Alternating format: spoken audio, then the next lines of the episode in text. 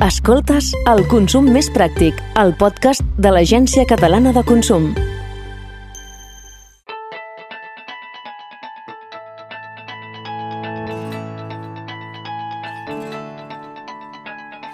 Setmana més a Ràdio Ciutat de Tarragona volem parlar del consum més pràctic i més eh, quan parlem també de serveis necessaris, de serveis eh, importants del dia a dia i ho fem justament amb la Judit Pujol, que és la cap de la secció de consum a Tarragona de l'Agència Catalana del Consum. Judit, molt bon dia. Bon dia, Sílvia. Darrerament hem parlat també del subministrament de la llum, la telefonia, aquests serveis, com diem, essencials, que també n'hi ha d'altres, i també volem saber quins són els drets que tenim les persones que consumim quan contractem aquest tipus de servei que ho utilitzem, com diem, pràcticament al dia a dia. Quins són exactament, eh, Judit, els serveis que reben aquesta consideració que diem de bàsics i que fem servir de forma habitual? Doncs, mira, el Codi de Consum defineix una sèrie de, de serveis que ja sigui perquè són molt essencials per al nostre dia a dia, la nostra vida quotidiana, o perquè tenen un ús molt generalitzat, mm -hmm els defineix com a bàsics. Aquests serien els subministraments, òbviament, la llum, gas, aigua. Després tenim telefonia, internet, els transports, uh mhm. -huh. tot tipus, terrestre, aeri, els transports. Eh, després els serveis bancaris, financers i, i les assegurances. I per últim tindríem els serveis assistencials, els sanitaris. Uh mhm. -huh. L'altre dia parlàvem de les factures de la llum i també dels eh, drets que teníem, però entenc que aquests que tu ara has explicat com a bàsics també tenen drets, no? Eh, quins són aquests, Judit? Mira, eh, a veure, així en general el Codi de Consum estableix uns drets bàsics per tots els consumidors de, de, de Catalunya, que són el dret a la informació, sobretot nosaltres sempre insistim molt en que el consumidor estigui ben informat per mm -hmm. prendre bé les decisions, llavors seria el dret d'informació, el dret a rebre una indemnització o a la reparació d'un dany que ens hagin produït, el dret a, a la seguretat, a la salut, nosaltres vetllem perquè es compleixin tots aquests drets. A banda, eh, hi ha com un col·lectiu de, de consumidors, que nosaltres anomenem un col·lectiu vulnerable, eh, que tenen una especial protecció. Serien doncs, el cas de, doncs, de gent gran, d'infants, de persones malaltes, aquests a part tenen una protecció especial. Aquestes empreses de Catalunya que presten aquests serveis bàsics estan obligades a eh, garantir estan d'una manera més especial que altres eh, empreses que presten altres eh, serveis, estan obligades a garantir eh, unes vies perquè els consumidors puguin reclamar. I, i òbviament, a, a nivell estatal, com de Catalunya, aquells col·lectius més vulnerables tenen una major protecció en quant a, a pobresa energètica, el que serien subministraments de llum, aigua i gas. Tu parles d'aquestes vies, que, que d'aquests serveis bàsics a Catalunya, d'aquests requisits. Quins serien aquests, si els podem explicar també? Sí, totes les companyies que operen a Catalunya i que eh, presten serveis bàsics han de tenir obligatòriament dos canals a través dels quals els consumidors seus, els seus clients, han de poder interposar reclamacions. Una és un telèfon gratuït per... Eh, S'ha de destacar això, eh? per posar reclamacions, eh? Uh -huh. que el client posi... No és un telèfon gratuït d'atenció al client o d'informació, és per poder posar una reclamació. És un telèfon gratuït i una adreça física, almenys una, en tot Catalunya, perquè el, el consumidor s'hi pugui dirigir. Llavors, molt important, tant el telèfon com l'adreça han d'estar en totes les nostres factures i en el nostre contracte. El contracte molt probablement no sabem ni on, ni on el tenim, Exacte, no? Sí. Però la factura sí que la rebem cada mes uh mhm. -huh. i allà podem veure el número de telèfon o l'adreça física. Uh mhm, -huh, perfecte. Uh, quan parlem sobretot de telefonia, quan parlem de llum, uh, d'aigua potser no passa tant, però sí que segurament tothom en algun moment ha volgut queixar-se, posar alguna reclamació, també parlaves del transport, assegurances, eh, temes sanitaris. Tot això també es pot reclamar si tenim alguna incidència, d'alguna manera?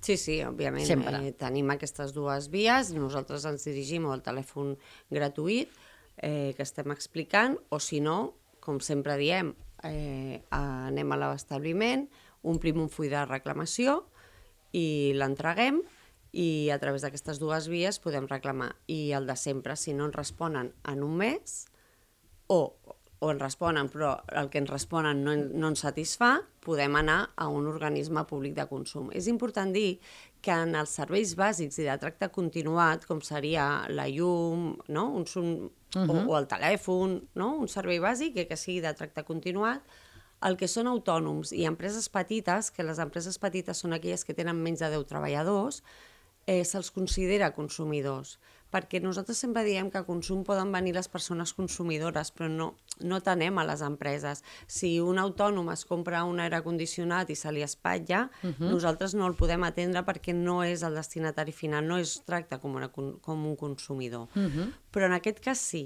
En el cas dels serveis bàsics i de tracte continuat, si un autònom té un problema amb, amb la tarifa de la llum vale. o amb el seu telèfon, uh mhm. -huh nosaltres l'atendrem i podrà posar les, el, la reclamació, anirà per mediació, anirà per arbitratge, igual que qualsevol altre consumidor. Mm. Sobretot la Judit parlava de, de l'oportunitat que ens dona sempre consum de poder reclamar i, evidentment, quan parlem d'aquests telèfons gratuïts o d'aquestes adreces eh, de mail, moltes vegades doncs, és difícil connectar, contactar, però si més no, el que no hem de fer és perdre la paciència i si volem reclamar i tenim clar que allò és injust, doncs intentar-ho moltes vegades, no? perquè sabem que a vegades l'espera amb un telèfon pot ser de molts i molts minuts. Uh, també comentaves que les empreses han de garantir que tinguem constància de la presentació de qualsevol tipus de reclamació. Això com, com es fa o quin és el procediment? Això és molt important, Sílvia, perquè Eh, a veure, com qualsevol altra empresa, o sigui, com qualsevol altre servei o sí. venda de producte, nosaltres, quan veiem els nostres drets vulnerats, nosaltres podem reclamar però per reclamar sempre diem que s'ha de presentar prèviament aquesta reclamació a l'empresa. Per sí. què? Uh -huh. Per què aquesta obligatorietat? Eh, perquè moltíssimes vegades, quan tu reclames a l'empresa, això ja es resol. Val? Si veiem que no es resol el que dèiem abans, que ha passat un mes, o el que em contesten no està resolent el que jo volia, vens a l'organisme públic de consum i nosaltres farem la mediació i l'arbitratge. Uh -huh. Com podem fer nosaltres a la mediació i a l'arbitratge? Tenim un, una prova de que tu has reclamat. Per tant, si tu et dirigeixes al telèfon públic, ai, al telèfon gratuït que dèiem abans, sí. eh, hauràs de demanar quan truquis, perdona, dona'm el número d'incidència, uh mhm. -huh. no? Un, que aquest número d'incidència serà la prova conforme tu has reclamat per telèfon. Si ho fas amb el full de reclamacions, el full de reclamacions consta, consta de tres duplicats, triplicat seria, clar, sí.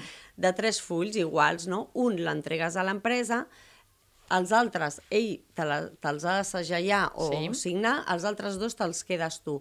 Quan ha passat el mes, si, si tu vols reclamar, vens a nosaltres i ens dones el tercer full a nosaltres, Perfecte. perquè nosaltres tinguem el comprovant. Uh mhm. -huh. Si tu ho fas, perquè també hi ha empreses que via web eh, tu pots reclamar no? a través del correu electrònic o, o de la, del, del canal que et posin ells, tu hauràs de tenir la confirmació, tu quan fas una reclamació via web, ells t'envien la, la còpia, la confirmació sí. de que has reclamat, doncs tu et guardes allò. I si ho fas a través d'un correu postal, doncs intenta fer-ho a través d'un certificat. O sigui, hem d'anar amb la idea de que jo tinc que demostrar que prèviament he reclamat a l'empresa. Sobretot el que passa moltes vegades, com diu la Judit, que igual enviem un mail, després l'esborrem, hem de guardar molt bé aquest correu electrònic per demostrar que allò està enviat i contestat, perquè si nosaltres no el guardem i no el trobem, segurament l'empresa igual no ens ho posa fàcil. Per tant, és important sempre tenir totes les proves eh, possibles per tal de poder fer aquesta reclamació. Tu parlaves de les xarxes socials, també, i evidentment, avui en dia moltes empreses, sobretot grans companyies, eh, fan campanyes justament per atraure consumidors.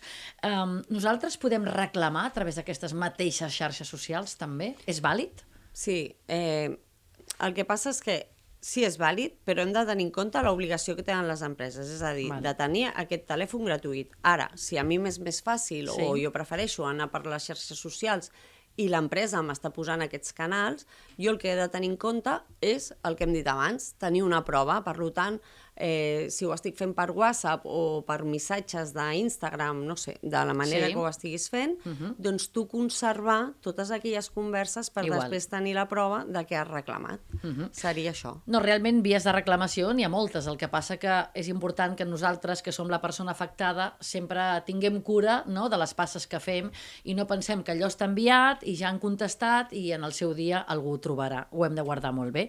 I també vull recordar que això jo no ho sabia i crec que és important que totes les empreses tenen l'obligació de disposar de fulls de reclamació, no? Totes. No val la resposta, no en tenim i no en tindrem. S'han de tenir, sí, Sí, o sí, sí. s'han de tenir, sí o sí. S'han de, de tenir eh, el full de reclamació, no només les empreses que presten serveis bàsics, Sí, sí, sinó sí, tot tipus tot. de reclamacions Uh -huh. eh, i tot tipus d'empreses, s'ha de tenir els fulls de reclamació i han de tenir un cartell Sí. on s'anunciï que tenen aquests fulls de reclamació a disposició del consumidor. Això no sé si passa, eh, molt sovint. Jo crec A que... vegades està una mica amagadet, no els agrada. Hi O ha- sota el taulell, no? Una També. mica, sí, sí, el tenim aquí, però... No, però ha d'estar ha visible d'estar. pel consumidor. Perfecte.